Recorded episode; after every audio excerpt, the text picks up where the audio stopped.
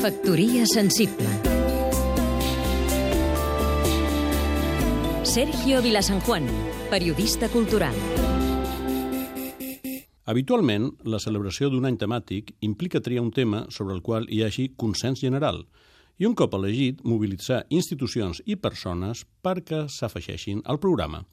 A Barcelona aquest sistema va aconseguir bons resultats a propòsit de Joan Miró, a l'any 1993, o d'Antoni Gaudí, al 2002, per posar dos exemples.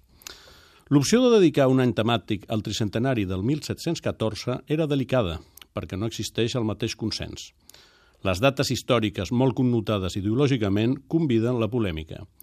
Quan a França es va celebrar el bicentenari de la Revolució, l'estat francès va optar per una neutralitat de partida davant les discussions sobre Robespierre o sobre el terror. En els programes de la Generalitat i l'Ajuntament barceloní per commemorar el 1714 hi ha de tot, amb variat interès. Però les dues institucions han renunciat a la neutralitat.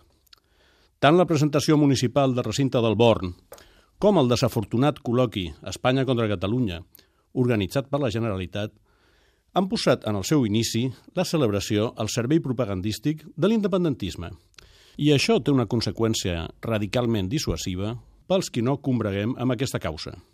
L'any temàtic que iniciem haurà de potenciar moltíssim el pluralisme dels seus continguts si aspira a tenir credibilitat i un mínim efecte transversal. Factoria sensible Seguim-nos també a catradio.cat